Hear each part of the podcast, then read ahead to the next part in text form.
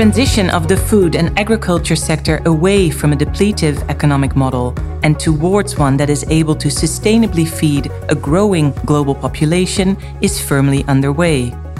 This transformation is creating fast growing insurgent companies and is changing the business models of incumbent firms, creating compelling investment opportunities for active investors. How to identify companies that offer solutions to the sustainability challenges of the food value chain, and how to avoid companies being disrupted in this fast moving environment. That's something I'll discuss with Agne Rakauskaite co-portfolio manager of the BNP Paribas Smart Food Strategy. Agne works for Impax Asset Management, an affiliate of BNP Paribas Asset Management. My name is Marije Groen, and I'm the host of this podcast about the sustainability challenges of the food value chain. Welcome, Agne. Thank you very much. Great to be here. Wonderful to have you. Agne, I'm curious. Global warming and population growth could force radical changes to our diet. As a consequence, what do you think will be on the menu by 2050? Yes, the global population is expected to reach 10 billion people by 2050, which is an increase of about 25%. That said, we're going to need to produce about 50% more food between now and then. So not only will there be more mouths to feed, but as people accumulate more wealth, and particularly in the emerging markets, they tend to consume more calories per capita. And as you are probably already aware, the production of food is incredibly um, in, is incredibly resource intensive. It uses vast amounts of water, land, crop protection chemicals, fertilizers, and leads to significant green, greenhouse gas emissions. So if we are going to increase the food production by 50%, the strain on natural resources is only going to become greater. As you highlighted, the additional problem, of course, is global warming, and that's going to present a particular concern to farmers with respect to lowering their yields. And so, as you correctly highlight, that is going to force us to make changes to our diet. We're already seeing that transition take place. Um, you know, we are seeing a transition to more sustainable food systems, and an, an, an obvious example would be a shift to a more plant-based diet. That trend is already quite prominent in Western Europe and North America. But I would expect that over the next couple of decades, um, it will take off in the emerging markets as well, especially as we overcome the challenges of scaling. So I would say um, by 2050, we, I would expect um, our population to, to, shift to a lower impact, um, to, to, a diet that's um, that's lower impact. Wonderful. I've seen it already with myself. To be honest, I'm I'm almost, well, I say 80 20. I'm a flexitarian at this moment. yeah. Let's talk a bit about the current affairs, Agne, and about uh, the rise of the food prices, because uh, rising food prices are currently making headlines and, and causing concerns as well. And I can imagine that as a sustainable investor, such as Impax, that you look at this differently than a traditional investor in the food and agriculture sector. And is, is that indeed the case? That is in, that is the case. Um, a traditional ag investor would be much more focused on the commodity cycle. So really tracking um, the the prices of soft commodities like corn, soy, wheat, etc., and really trying to get that timing right. Typically, they would invest in companies high up the value chain. So companies like agrichems, um, other agri input companies, um, commodity traders, livestock producers. What makes the Impax approach unique relative to the traditional food and ag investor is our focus on sustainability solutions. So um, we are focused on sustainability solutions across all parts of the value chain because we believe that those solutions exist along all parts of the value chain. So really, the key for us is is is finding companies which will be beneficiaries from this long term transition to more sustainable food systems. And another benefit of our approach is is that it enables us to invest um, to to invest across all parts of the value chain and really be able to diversify and um, and extract the value add from all those different parts. Wonderful. Um, what we see happening is is the whole food chain has been globalized, and uh, this means that companies can offer to consumers whatever they want to eat in whatever season. Uh, with the pandemic, however, uh, we've seen some weaknesses surfacing in the supply chain. And is this something you expect to lead to major changes? Indeed. So the pandemic really highlighted weaknesses in certain parts of the supply chain. For example, we saw quite significant interruptions to the flows of crop inputs um, as international borders closed for, for, an amount of time. And very early on in the pandemic, um, food retailers were very conscious of those disruptions and they they, they worked hard to ensure that there was food on the shelves, especially as people panicked and they started to stockpile. And so they did various things to cope with that. For example, they asked their suppliers to prioritize on a few core products. So for example, instead of having 10 options for orange juice on the shelf, you would have maybe one or two options.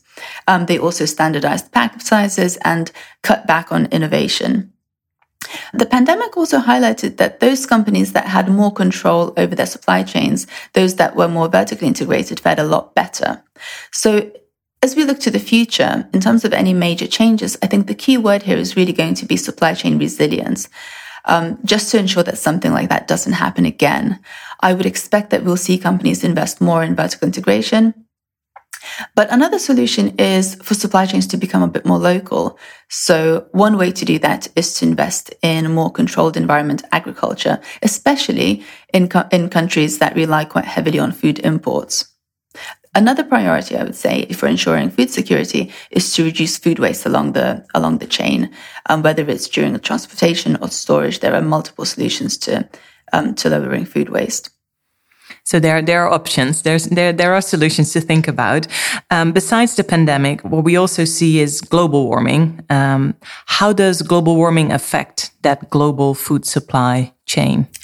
The main impact to the farmer will be changing yields. The climatic shocks are currently double what they used to be 20 years ago.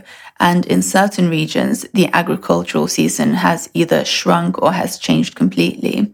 And so for farmers, whether it's crop farmers or livestock farmers, um, really it's all about the the changes in the yield. For livestock farmers in particular, um, they also have to worry about the, the impact on, on animal health um, that global warming has. Um, so for them, the solution will be adaptation. And there are a few examples of, um, of that would be precision agriculture and crop inputs such as seeds, which are better adapted to a hotter climate. Hmm.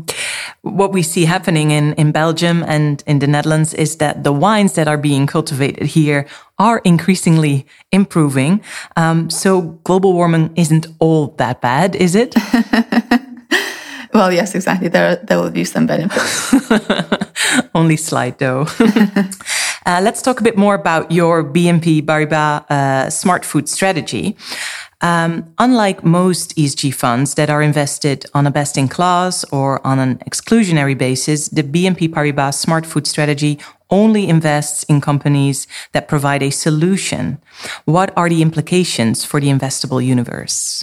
So today, as we've already discussed, the food and agriculture sector is facing a number of very important sustainability challenges.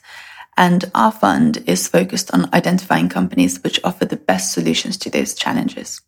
And they fall into four broad categories. The first one is companies that are helping to lower the environmental impact of agriculture and food production. The second is companies that focus on providing nutritious and healthy food. Then we have companies which enable the provision of safe food. And finally, companies that help promote animal welfare standards. We invest in, across the whole value chain, and that is really quite fundamental um, to what we do. Um, and it also makes us unique to our competitors. Because sustainability challenges uh, exist along the whole value chain, we also are able to identify solutions to those challenges along the whole value chain.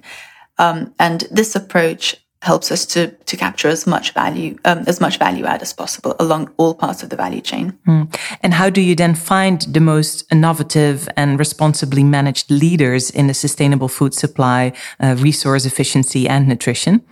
So our investment process starts with the universe creation. We have defined areas within the food and agriculture space that we would consider to be sustainable food solutions. And we've set a 20% threshold, which means that a company is only included in the investable universe if at least 20% of its revenues or profits are derived from those activities. And as part of this process, we look for solutions globally and across the whole value chain. This approach has the benefit of allowing us to diversify, but at the same time, benefit from the value add that's added at each stage of the chain. Wonderful. Let's maybe close off this interview, Agni, by, by an example. Um, if we look at the consumer trend of eating healthier, eating more sustainably, what to what choices or implications has that led into the portfolio? So the pandemic has caused the consumers to become much more aware of the importance of nutrition for, for their immune systems. Um, and this is helping to accelerate that shift away from foods that are heavily processed to those that are much more natural. It's also helping to drive interest in nutritional supplements such as probiotics, for example. So we see a lot of investment opportunities across various parts of the value chain. But specifically, ingredients companies are in the sweet spot because they help to enable the production of more functional foods and they also help food manufacturers to reformulate their products, for example, by taking out salt, sugar, while also maintaining the product's taste profile. Thank you very much, Agni. Thank you very much. You listen to a podcast about the sustainability challenges of the food value chain. I would like to thank today's guest, Agni Rakauskaite, co-portfolio manager of the BNP Paribas Smart Food Strategy, for her time and her insights. This podcast is offered to you by BNP Paribas Asset Management. For more podcasts on thematic investing, please visit the Fondsnieuws website, fondsnieuws.nl if you are based in the Netherlands, or if you are in Belgium, the Investment Officer website, investmentofficer.be.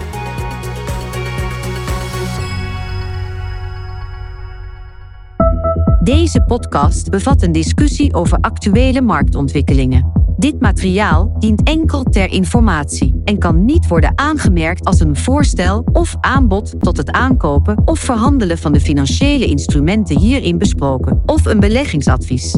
De in dit materiaal opgenomen opinies zijn het oordeel van BNP Paribas Asset Management Nederland op een specifiek moment en kunnen worden gewijzigd zonder voorafgaand bericht. De waarde van uw belegging kan fluctueren. In het verleden behaalde resultaten bieden geen garantie voor de toekomst.